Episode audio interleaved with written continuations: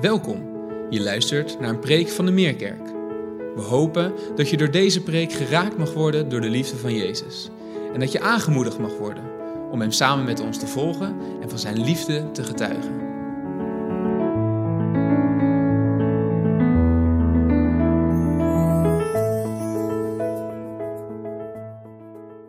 Goedemorgen.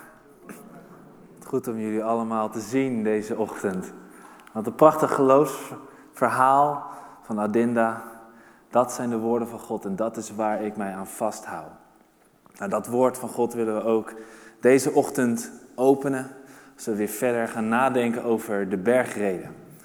En wie van jullie kent het spel Ik ga op reis en ik neem mee? De meeste mensen kennen het spel Ik ga op reis en ik neem mee. Wat je dan doet is, je vormt een kringetje met elkaar en één iemand zegt ik ga op reis, ik neem mee en dan een borstel. En de volgende persoon zegt ik ga op reis en ik neem mee. En dan moet je hetgeen wat de andere persoon heeft gezegd, uh, moet je herhalen. Ik neem mee een tandenborstel en dan voeg je er iets aan toe. En een zaklamp. En de volgende tandenborstel, zaklamp enzovoort enzovoort. Nou, zo voelt voor mij de bergreden prekenserie een klein beetje. We begonnen met de eerste zaligspreking. Die moeten we vasthouden en vervolgens lezen we de volgende en de volgende en de volgende.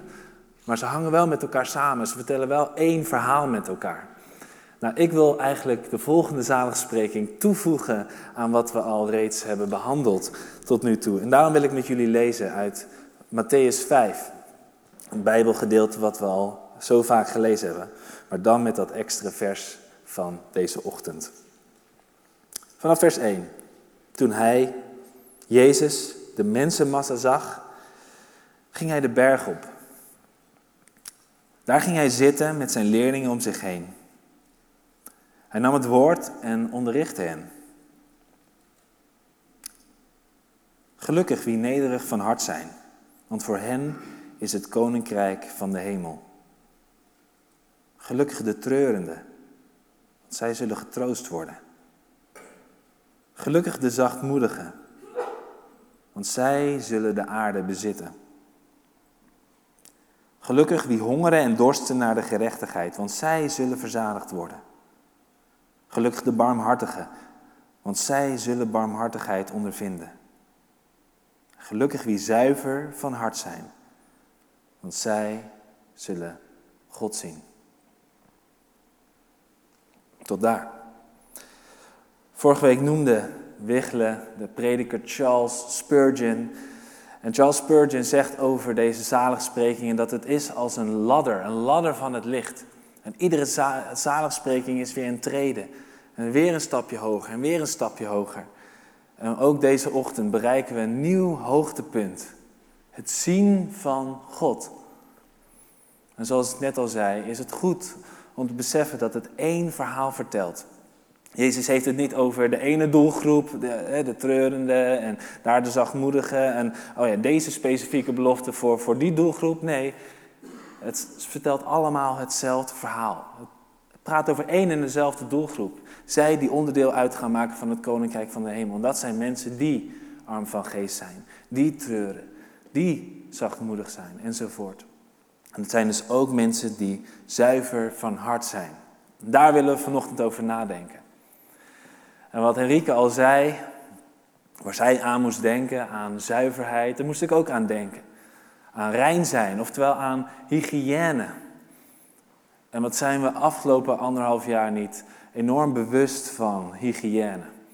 Bewust van onze handen die wel of niet schoon zijn en dat we dat moeten desinfecteren of de lucht dat wel goed gefilterd moet zijn. We zijn ons bewust van hygiëne vanwege het gevaar dat op de loer ligt van een virus, het coronavirus. En als ik daarover nadenk, en hoe erg we daarmee bezig zijn en ook hoe we vanochtend weer bij elkaar zitten op, op afstand vanwege de maatregelen van afgelopen vrijdag, dan vraag ik me af in hoeverre zijn wij bezig niet met de hygiëne van onze handen, maar met de hygiëne van ons hart. Want waar de afgelopen anderhalf jaar een pandemie is, is er een andere pandemie die al vanaf het Hof van Ede er is. Namelijk het virus van onze ongehoorzaamheid aan God. We ons daar druk om? over de vuilheid van ons hart. Dat is waar vanochtend Jezus ons op wil wijzen. Laten we daarover nadenken. En toen ik mij voorbereidde op deze preek, en vooral in het bijzonder deze, dit vers, waren er drie dingen die mij in het bijzonder troffen. Was de betekenis van geestelijke hygiëne, zou je het kunnen zeggen. En die betekenis gaat dieper dan je denkt. En het tweede wat me raakte was de behoefte aan geestelijke hygiëne. En die is ingewikkelder dan je denkt. En de laatste was de belofte. De belofte van geestelijke hygiëne. En oh, die is zoveel mooier en zoveel bevredigender dan je ooit zou durven hopen. Nou, over die drie dingen wil ik vanochtend nadenken. Over de betekenis, over de behoefte en over de belofte van geestelijke hygiëne. Dan begin ik bij het eerste, de betekenis ervan. Waar hebben we het over?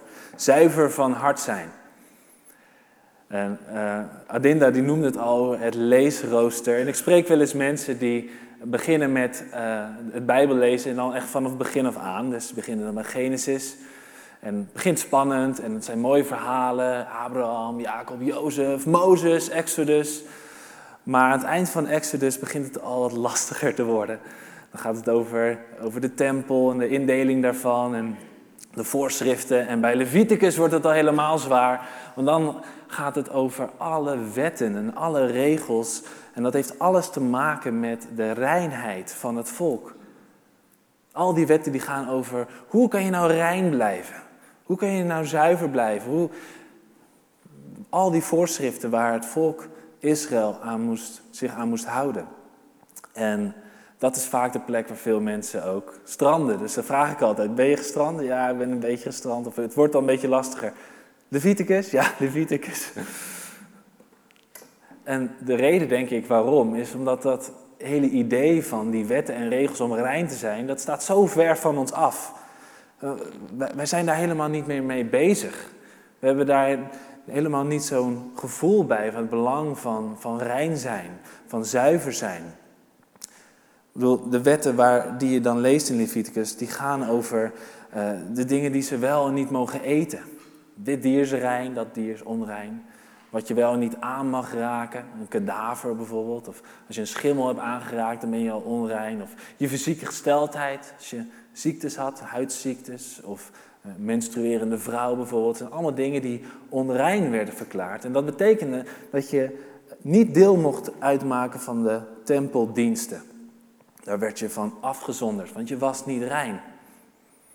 Dan denk je van, ja, waar slaat het op? Waar, waarom? Waarom is dat zo? Nou, de wetten, deze wetten, waren een fysieke manier om een geestelijke realiteit mee aan te geven, mee te uiten. En dat is eigenlijk helemaal niet zo'n gek idee, dat doen wij ook. Denk bijvoorbeeld aan het knielen bij het kruis. Dat is iets fysieks wat we doen om een geestelijke realiteit mee te uiten. Je wilt je verootmoedigen voor God in je hart. En om daar kracht bij te zetten, ga je op je knieën. Of denk aan vasten. Als we vasten, als we niet eten, dan willen we, willen we fysieke honger ervaren, maar daarin willen we geestelijke honger ervaren naar God. Dat, we dat Hij ons brood is, dat we het volledig van Hem verwachten.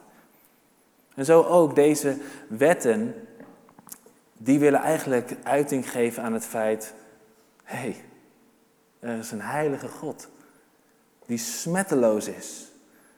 En hier zijn wij. En wij hebben dat virus van de zonde. Wij zijn onrein.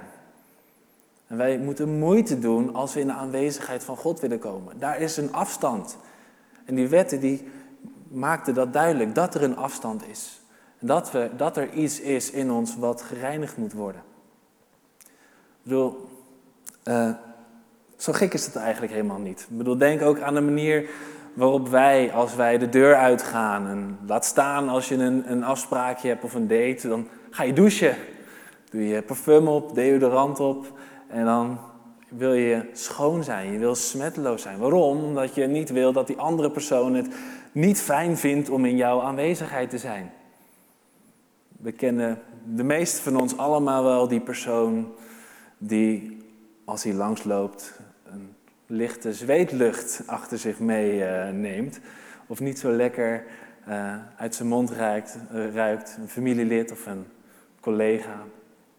Ik zie Enrique ja knikken. Ik weet niet wat je daarmee bedoelt.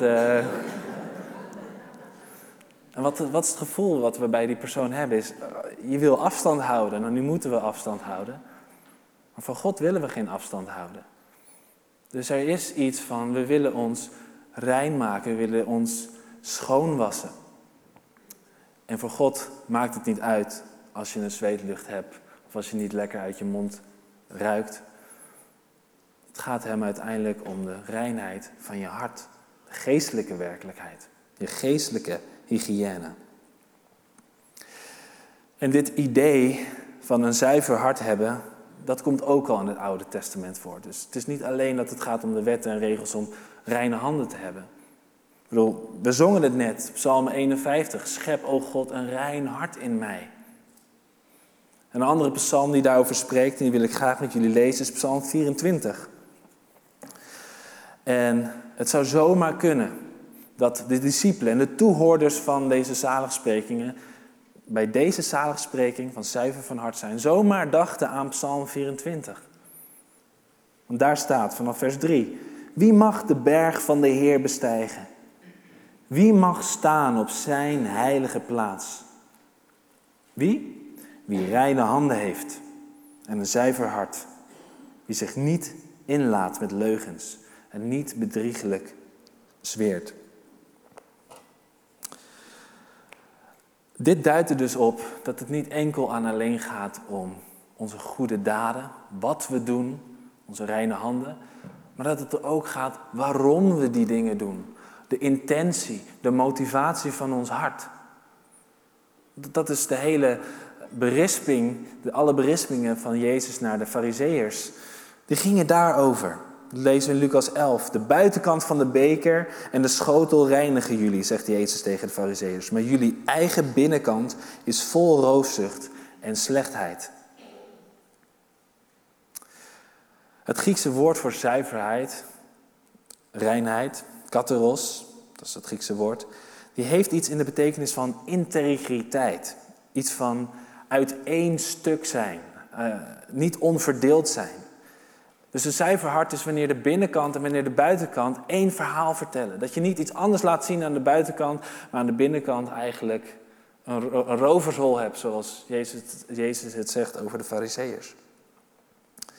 En dat is zo lastig, want wij zijn zo gefocust op de buitenkant. We vergelijken onszelf met anderen. Ook zoals we hier nu zitten. We zitten allemaal hier in de kerk, Neem nou twee personen, Jan en Piet. En gaan allebei naar de kerk op zondag. En ze bidden allebei. En ze lezen de Bijbel door de week. En aan de buitenkant denk je, nou, dat zijn allebei gewoon christenen. Dat zijn goede mensen. Het zijn hetzelfde. Maar de een, die gaat naar de kerk omdat hij echt een oprecht verlangen heeft. Ik wil God aanbidden. Ik heb zijn genade zo nodig. Daarom bid ik. Daarom lees ik Bijbel. Daarom ga ik naar de kerk. Maar de andere persoon die gaat misschien wel naar de kerk van, kijk mij eens naar de kerk gaan. Ik, ik ben wel een goed mens van mezelf, want ik lees de Bijbel en ik, ik bid en ik ga naar de kerk. Aan de buitenkant ziet, er, ziet het, het er zelf, hetzelfde uit. Aan de binnenkant ziet het er heel anders uit. En laat het nou net zijn dat het de binnenkant is waar het God om gaat en niet de buitenkant. Daarom is het ook zo gek in tijden als deze, waar het zo gepolariseerd is, waar we zo met ons vingertje wijzen naar, naar anderen. Dat we heel goed weten het kwaad aan te wijzen buiten ons hart. Het zit daar, die instantie, die persoon. Terwijl de bergreden zegt nee. Voordat je überhaupt naar buiten kan kijken, moet je eerst naar binnen kijken. Moet je eerst het kwaad zien van je eigen hart omdat het er misschien wel erger aan toe is dan je dacht. Voordat je met modder kan gooien, moet je eerst zien in welke modderpoel je zelf zit. En er is maar één hart waar jij alles van weet, waar jij de diepe krochten van kent. En dat is niet het hart van iemand anders. Dat is het hart van jezelf. Er is maar één hart waar jij verantwoordelijk voor bent.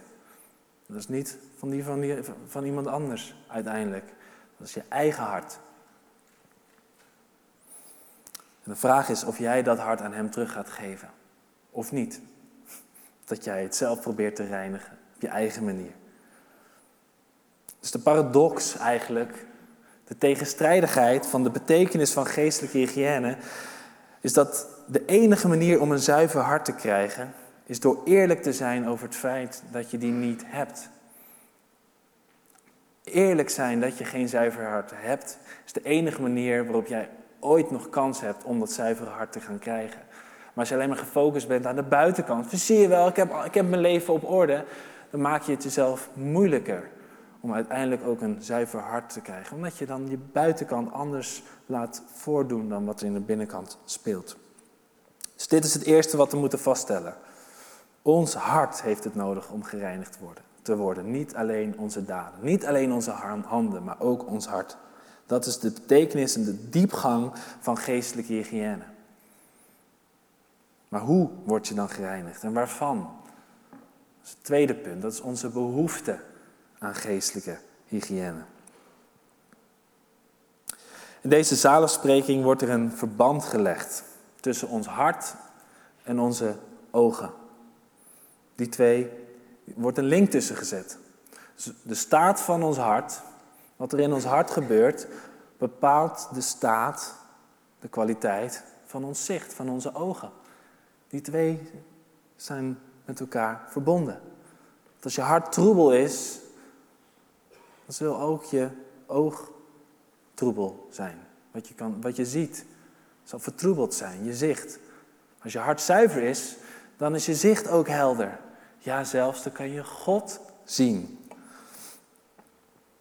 Maar dat geeft ons een probleem. Want als dat soort zuiverheid de voorwaarde is voor ons om God te zien, dan zijn we kansloos. Wie kan dan ooit God zien? Spreuken 20, vers 9 zegt: Wie zou kunnen zeggen: Ik heb mijn hart gezuiverd. Ik ben vrij van zonde. En dat is een retorische vraag. Ja, als het afhangt van de zuiverheid van mijn hart, dan ben ik ook kansloos. Maar het gaat niet meer over nooit meer zondigen. Dat woord katros, dat is niet, je bent zuiver van hart, oftewel je zondigt nooit meer, je doet nooit meer slechte dingen. Nee, je moet specifiek zijn. Wat, wat dat woord probeert te zeggen is, je hart is onverdeeld. Het is niet, je wil aan de ene kant God dienen en aan de andere kant de wereld dienen. Dat is wat het onzuiver maakt. Dat is dat het, dat het uit twee componenten bestaat. Je verlangen om God te dienen en je verlangen om de wereld te dienen, om jezelf te dienen. En een zuiver hart is iemand die te midden van alle zonden juist zichzelf volledig en onverdeeld richt op God. En daar zit het probleem. Daar zit het probleem. Want aan de ene kant hunkert ons hart ernaar om naar God toe te rennen, om Hem te zien. En aan de andere kant kunnen we het niet aan om God te zien. Kunnen we het niet aan om oog in oog met God te staan, omdat dan zichtbaar wordt hoe zondig we zijn. Omdat dan zichtbaar wordt hoe onzuiver we eigenlijk zijn. En dat doet pijn, dat willen we niet, dat willen we voorkomen. We weten dat ons hart gereinigd moet worden van haar slechte verlangens. Maar die reiniging is tegelijkertijd nu precies hetgeen waar ons onzuivere hart niet naar verlangt. Dat doet pijn. Het is een open hartoperatie die we moeten ondergaan, zonder verdoving. En God, Jezus, Hij is de hartchirurg die langzaam stukje bij beetje de zonde uit je hart wil wegsnijden. En dat is iets wat we van nature niet willen. Overgave aan God is niet iets natuurlijks voor ons. Het is goed om dat te beseffen bij jezelf en goed om dat in te zien bij jezelf. En over welke zonde hebben we het dan? Wat zijn dan die dingen die we niet over willen geven aan God? Waar hebben we het dan over?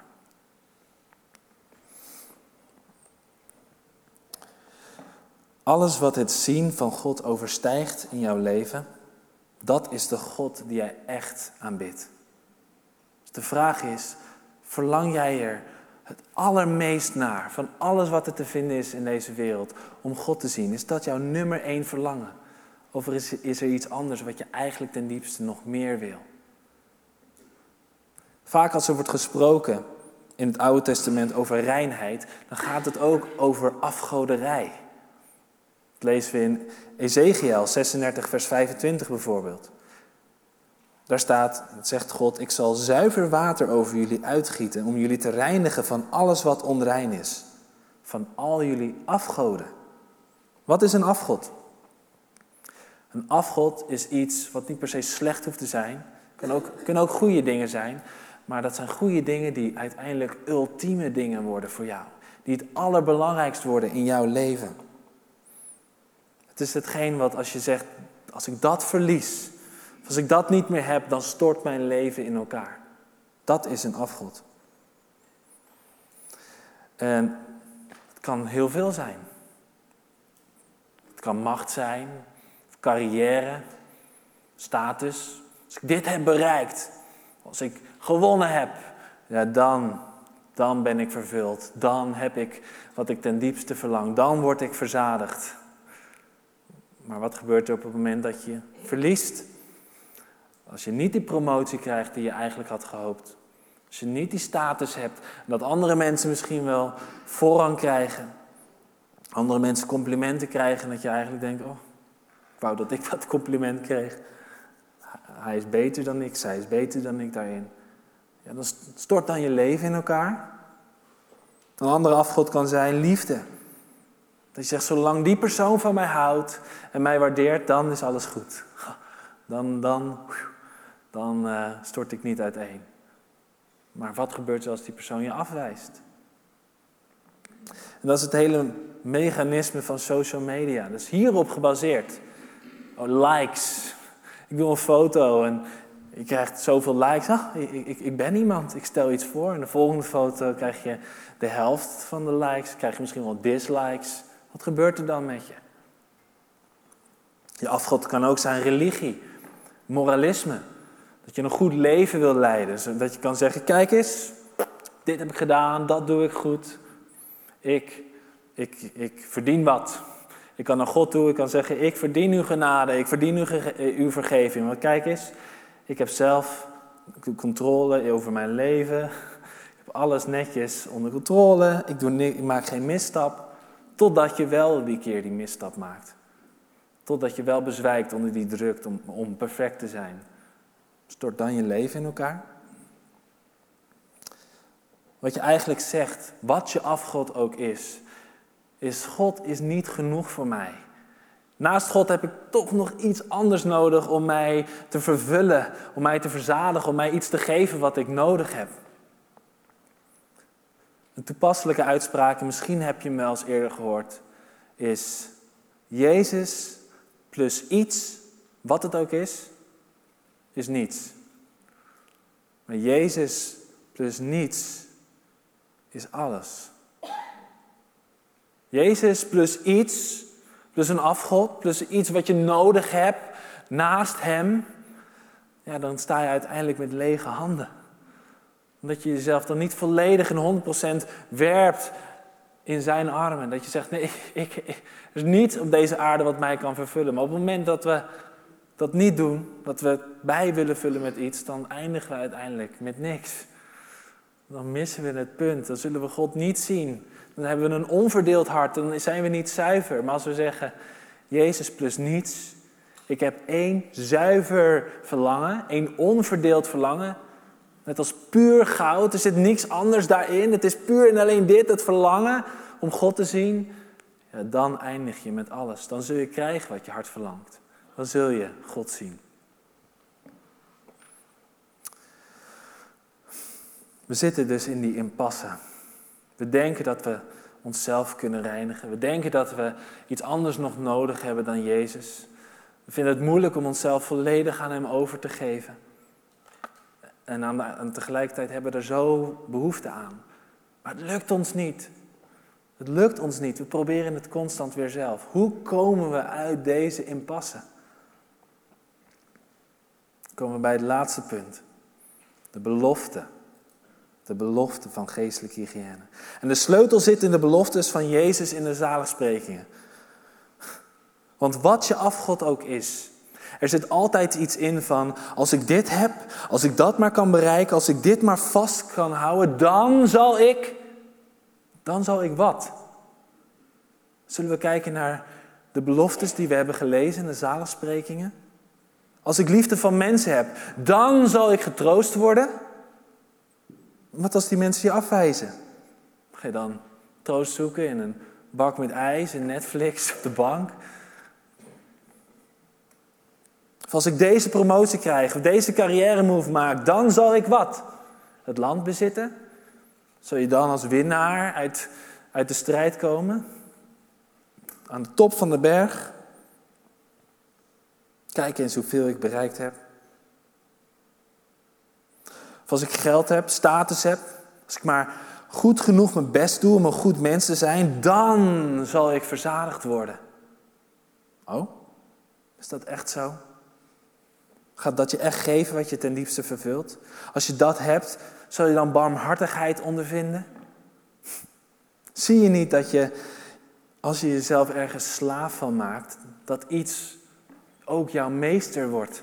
Als jij een slaaf wordt van jouw carrière, als jij een slaaf wordt van jouw prestaties, ja, dan moet je altijd leveren. Dan moet je altijd leveren. En het is nooit genoeg. Je moet altijd meer geven. Je moet altijd de beste kant laten zien, want anders word je ontslagen. Of anders word je afgewezen door mensen. Anders verlies je hetgeen wat, je, wat jouw afgod is. Hetgeen wat jij het meest ultiem vindt in jouw leven. Je moet altijd presteren. En dat is het meest onbarmhartige wat je kan overkomen. Een afgod, wat het ook is, zie je niet hoe onbarmhartig die meester is voor jou. Die vraagt alleen maar meer van je, meer van je, meer van je. Totdat je niks meer hebt om te geven. En vervolgens word je afgeserveerd. Dat is wat we doen als we afgoden dienen. Dat is waar we zullen eindigen.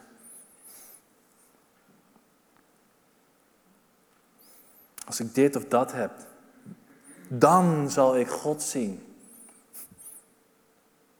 Je zou hem ook kunnen omdraaien. Hoe ongelukkig, hoe ongelukkig wie onzuiver van hart zijn, want zij zullen alleen hun afgoden zien.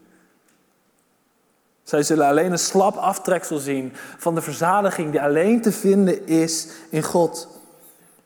Ze verwachten het van de mensen die hun kunnen teleurstellen, of wat dan ook. Dingen die ze kunnen verliezen. En ze zien niet dat Christus hen nooit teleur zal stellen. Ze zien niet dat Christus de meester is die wel barmhartig is. Jouw carrière kan niet voor jou sterven. Jezus wel. Jezus kan zijn leven voor je geven. En weet je wat? Dat heeft hij ook gedaan. Wat we nodig hebben, is dat we God zien. Want als we God zien, dan zullen we zien dat al die afgoden niks zijn vergeleken met wie Hij is. En tegelijkertijd kunnen we God niet zien omdat we zo onzuiver zijn. Wie gaat ons redden uit deze impasse? En dat is het evangelie. Denk aan Mozes in Exodus 33, die zo verlangde om God te zien. Die vroeg, wilt u mij uw majesteit tonen? En wat zegt God dan? Mijn gezicht zul je niet kunnen zien, want geen mens kan mij zien en in leven blijven. Wie gaat ons redden uit deze impasse? Het geheim van de bergreden ligt niet in de woorden zelf. Het ligt in degene die de woorden uitspreekt. Hij is de sleutel. Er is geen plek, nergens, nooit, nooit kan iemand naar boven kijken en zeggen, ah, ik wil God zien. Geen mens kan God zien. Behalve op één plaats. Behalve op één plaats. Geknield in verootmoediging aan de voet van het kruis. Als je daar omhoog kijkt, dan zul je God zien. Dan zul je God zien. Want wat je daar ziet, is een God die bereid was om arm te worden, zodat jij rijk kan worden. Daar zie je een God die bereid was om te treuren, om intens verdriet over zich heen te laten komen, zodat jij getroost kan worden. Daar zie je een God die zachtmoedig is, die onderdrukt werd, zodat jij het land kan bezitten. Daar zie je een God die zei, ik dorst, zodat jij verzadigd kan worden. Daar zie je een God die geen barmhartigheid kreeg toen hij er om vroeg. Hij werd afgerekend. Hij werd gestraft. En hij stierf aan een kruis, zodat jij barmhartigheid kan ondervinden. Daar zien we een God. Dat toen hij omhoog keek en zei: Mijn God, mijn God, waarom hebt u mij verlaten? Jezus kon God niet meer zien, omdat God zijn rug naar hem had toegekeerd. Zodat wij nu God kunnen zien. Zodat wij nu oog in oog met hem kunnen staan.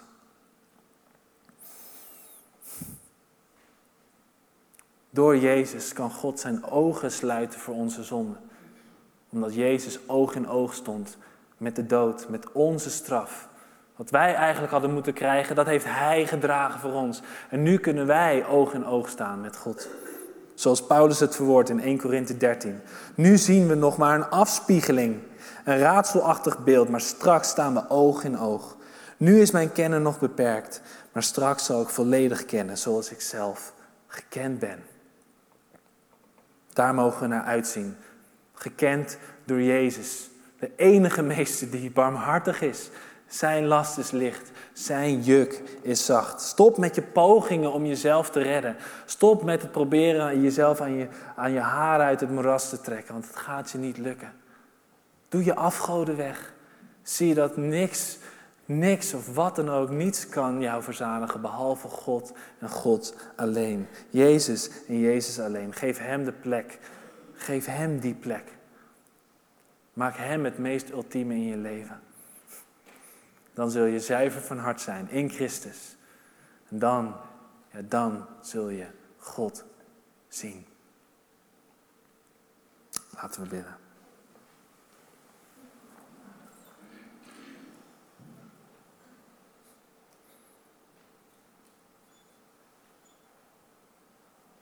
O Heer, wie kan ooit oog in oog staan met U? Niet ik. Dat weet ik in ieder geval. Als dat de voorwaarde is om een zuiver hart te hebben, Heer, dan kan ik niet oog in oog staan met U. En dat weet ik alleen, wat daar afspeelt in mijn hart. En zo geldt dat voor ons allemaal. Heer, help ons om naar binnen te kijken en niet weg te schrikken van wat we daar zien. Open, open onze ogen, Heer. Voor de afgoden in onze leven, voor de dingen die we, waar we het van verwachten in plaats van van U. Heer, dat we zeggen, ja, Jezus, we geloven U. Maar U bent nog niet genoeg. We willen nog meer. En dan zullen we uiteindelijk met lege handen eindigen. Maak ons hart zuiver, onverdeeld. Een onverdeeld verlangen naar U alleen. Wilt U dat ons geven? Oh, wat verlang ik daarnaar, naar een zuiver hart. Wat verlang ik ernaar om U te zien. Heer, wilt U dat verlangen alleen maar groter maken? Heer, als we nu een moment nemen om stil te worden, wilt U dan tot ons spreken? Heer, wilt U dan iets laten zien in ons hart, Heer, waarvan we weten, dit is niet oké. Dit is een afgod, hiermee moet je mee afrekenen. Dit zit op de plek waar ik zou moeten zitten in jouw leven. Heer, spreek zo tot ons in momenten van stilgebed.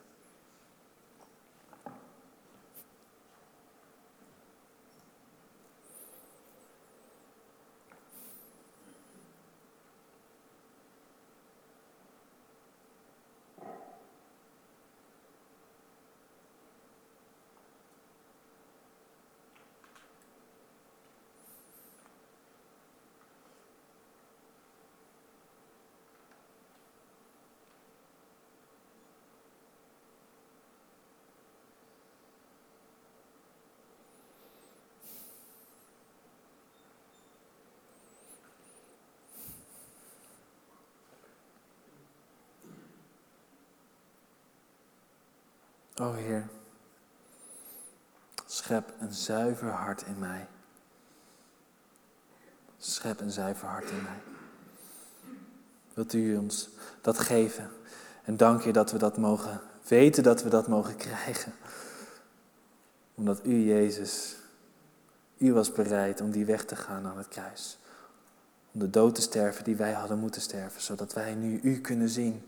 En de hoop mogen hebben oog in oog met U te zullen staan. Wij zullen God zien in Christus Jezus. Hebben we God al gezien? Oh, daar willen we U zo voor danken. We prijzen Uw naam daarvoor. Jezus Christus. Amen. Amen. Fijn dat je hebt geluisterd. Voor meer informatie ga naar www.meerkerk.nl.